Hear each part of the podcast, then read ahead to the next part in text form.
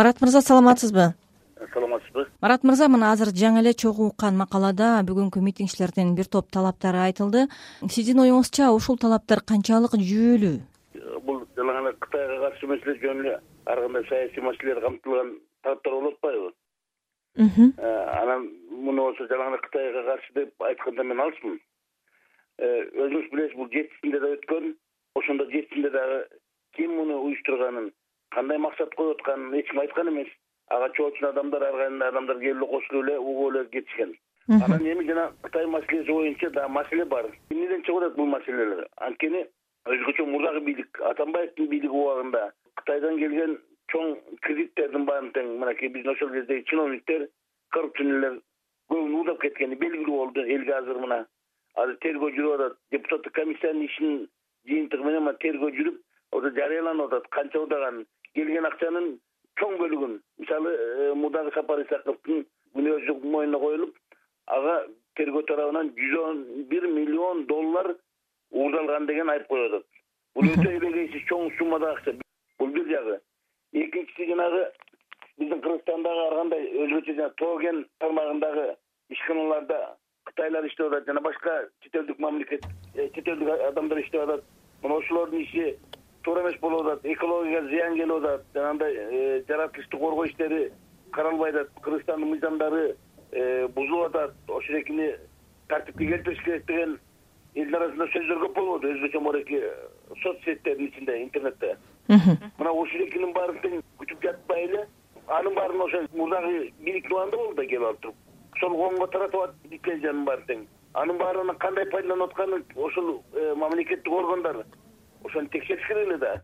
Ошо сатып аткан жана лицензияны берип аткан акчаны алып алып мамлекетке тыйын эле түшүп калып калгандарын өзү чөнтөк урукпай анан лицензияны берип койгон күндөр толтура болбодубу мына ошо бергенден кийин анан аны көзөмөлдөш керек да. Көзөмөлбөйт да аны көз каранды алардан тыйын алып койгон. Марат мырза демек демек сиздин оюңузча ушул боткону чалган бийлик болгон кыргыз өкмөтү болгон ошол ар кандай сиз айткандай лицензияларды оңду солду таратып эми андан чыгуунун кандай жолдорун издеши керек кантип чыгышы керек деп сунуш бересиз? Ошол эки боткону мурдагылар чалып коюп мына азыркы келген бийлик ошо чалгандары үчүн азыр мынакей ошолорго жооп берип атпайбы эмне кылыш керек деген суроодо мына э, мен мурда да айткам мына азыр э, жана митингге чыккандардын арасында талап да бар экен. Мамлекеттик комиссия түзүлүп ошол болгон ишканалардын баары тең бир сыйра текшерилип ошол эки мыйзамдуу иштеп атабы мыйзамсыз иштеп атабы. Кыргызстандын кызыкчылыгына жооп береби жооп бербейби. Кыргызстанга пайда келип атабы пайда келбей атабы. Же жөн эле казып сазып жаратылышка абдан зыян келип атабы. Мына ушуну тактагыла деп элдер талап коет мамлекеттик комиссия түзүп аны коомчулуктун өкүлдөрү менен көз каранды эксперттерди кошо катыштырып туруп азыркы бийлик ошол экинин баарын өзү тактабаш керек. Бул азыркы бийликке да керек бул элге да керек. Баарына керектүү нерсе анан ошол экинин баарын иретке салыш керек. Анан жанагы кредиттер боюнча мына биз кыйкыргандын арасында кээ бирөө мындай э, эмоция калтырып коюп айтып атпайбы кытай мамлекети экспансия кылып атат кытай мамлекети бизди басып алат деген анан жерлерибиз кредитти төлөй албай калсак жерлерди басып алат деген кооптонуп атпайбы? Эми ошол эле ойлоп койсоңор кытайдын өкмөтү келип алып жана келген кредиттердин баарын өздөрү уурдап алып кетип калып жок да анын баарын ким кылды? Ошол убагында ошо биздин коррупционерлер чиновниктер уурлар кылды ошонун баары тең мына ошолорду иреттеш керек азыр.